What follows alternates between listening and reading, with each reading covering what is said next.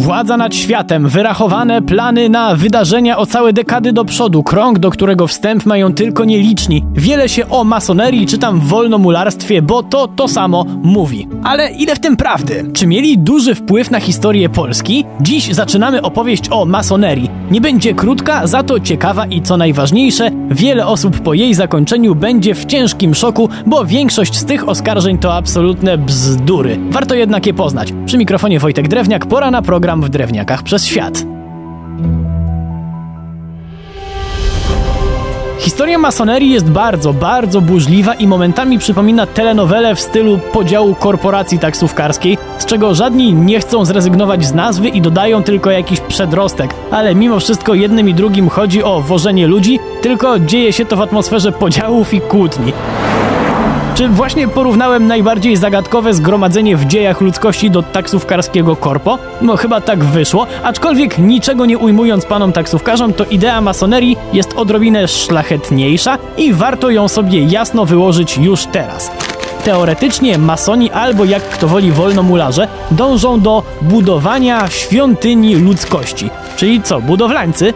Nie do końca. Chodzi o bardzo piękną ideę samodoskonalenia ludzkości metodami pokojowymi, czyli żeby ludziom było lepiej. Wszystkim, bez rozlewu krwi. Mieli o to dbać członkowie połączeni w lokalne loże, czyli takie filie. Te filie tworzyły większe jednostki administracyjne, nazywane wielkimi lożami albo wielkimi wschodami. Czy te stowarzyszenia są tajne, tak jak się o nich mówi? To znaczy teraz to przyznam, że nie wiem, ale wcześniej trochę tak, a trochę jednak nie do końca, bo same organizacje tajne nie były. To była publiczna informacja, że istnieje na przykład loża trzech braci, aczkolwiek już to, kto do loży należy, nie było informacją publiczną. Już sam ten fakt sprawiał, że loże roztaczały wokół siebie aurę tajemniczości, a ci, którzy do nich nie należeli, snuli różne dzikie domysły. Nie tylko co do tego, po co ci ludzie się tam zrzeszają, ale też od kiedy to robią. No właśnie, kiedy powstało wolnomularstwo zwane też masonerią?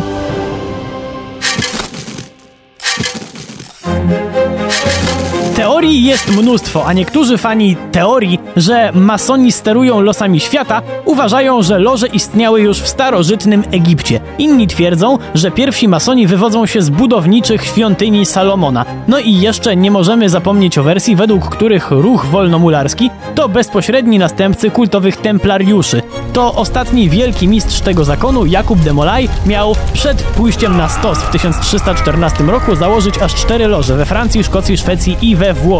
To te loże miały strzec bogactw templariuszy i kierować światem z tylnego siedzenia. To tyle teorii, a co faktycznie wiemy? Otóż najprawdopodobniej i nie użyłem tutaj określenia na bank wyłącznie po to, żeby zaraz się ktoś nie przyczepił, że jestem na usługach masonerii i kogoś celowo kryję. Zatem najprawdopodobniej ruch wolnomularski swój początek miał w średniowiecznej Anglii. Konkretnie chodzi o związki wolnych pracowników zatrudnionych przy budowaniu gotyckich katedr. Takich pracowników nazywano mularzami. Byli to po prostu robotnicy. Część swoich zajęć wykonywali w takich, nazwijmy to, warsztatach, które nazywano lożami. Ale te miejsca służyły też jako schowki, stołówka, niektórzy tam też spali. Szybko loże stały się centrum życia socjalnego wolnych mularzy, do tego stopnia, że zawiązane, chociaż jeszcze nieformalnie bractwa, zaczęły się zajmować na przykład socjalnym wspieraniem wdów po swoich zmarłych kolegach.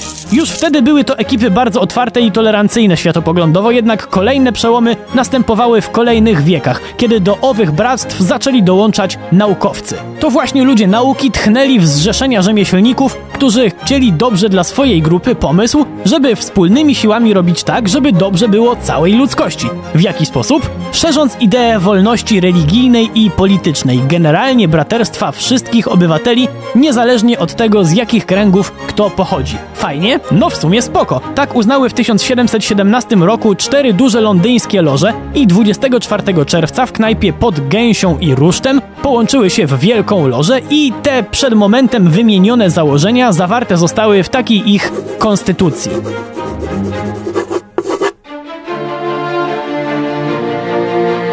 Idee i formy zrzeszania się fanów filozofii wolności bardzo szybko wypłynęły poza Londyn i loże zaczęły powstawać w Niemczech, Francji, we Włoszech, ale też w Ameryce Północnej. A co za tym idzie, bardzo szybko masoni narobili sobie wrogów.